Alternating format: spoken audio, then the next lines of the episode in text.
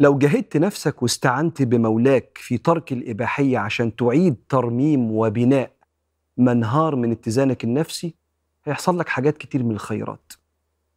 أول حاجة وخدها كده من قلبي لقلبك كده بردا وسلاما حب ربنا ليك. ربنا بيحب العباد اللي بيحاولوا.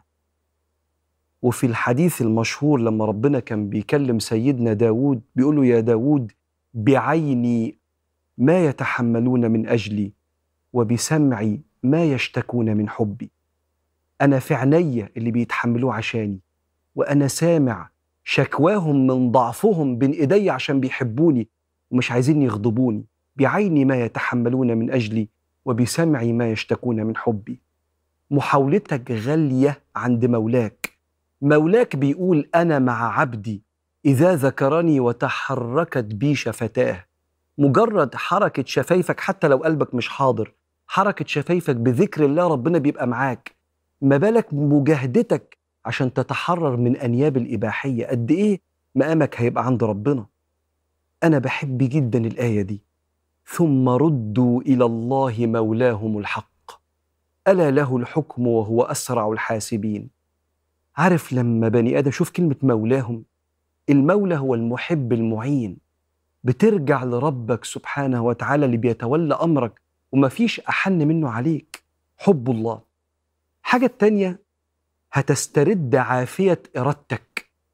الإرادة اللي بقى فيها وهن بسبب شؤم المعصية. ولو كنت تابعت الحلقة من الأول كنت بكلمك عن مركز الإرادة ال prefrontal cortex اللي بيتأثر بسبب اندفاع هرمونات النشوة في الدماغ فالإرادة بتضعف.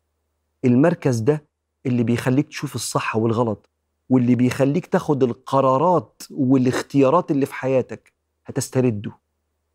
هتسترده من الشيطان. تحس بثقة في نفسك. تحس إنك قادر تاخد خطوات لقدام. وكفى بها عافية.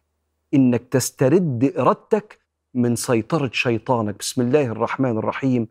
إن عبادي ليس لك عليهم سلطان. آمنا بيك يا رب. تسترد نفسك.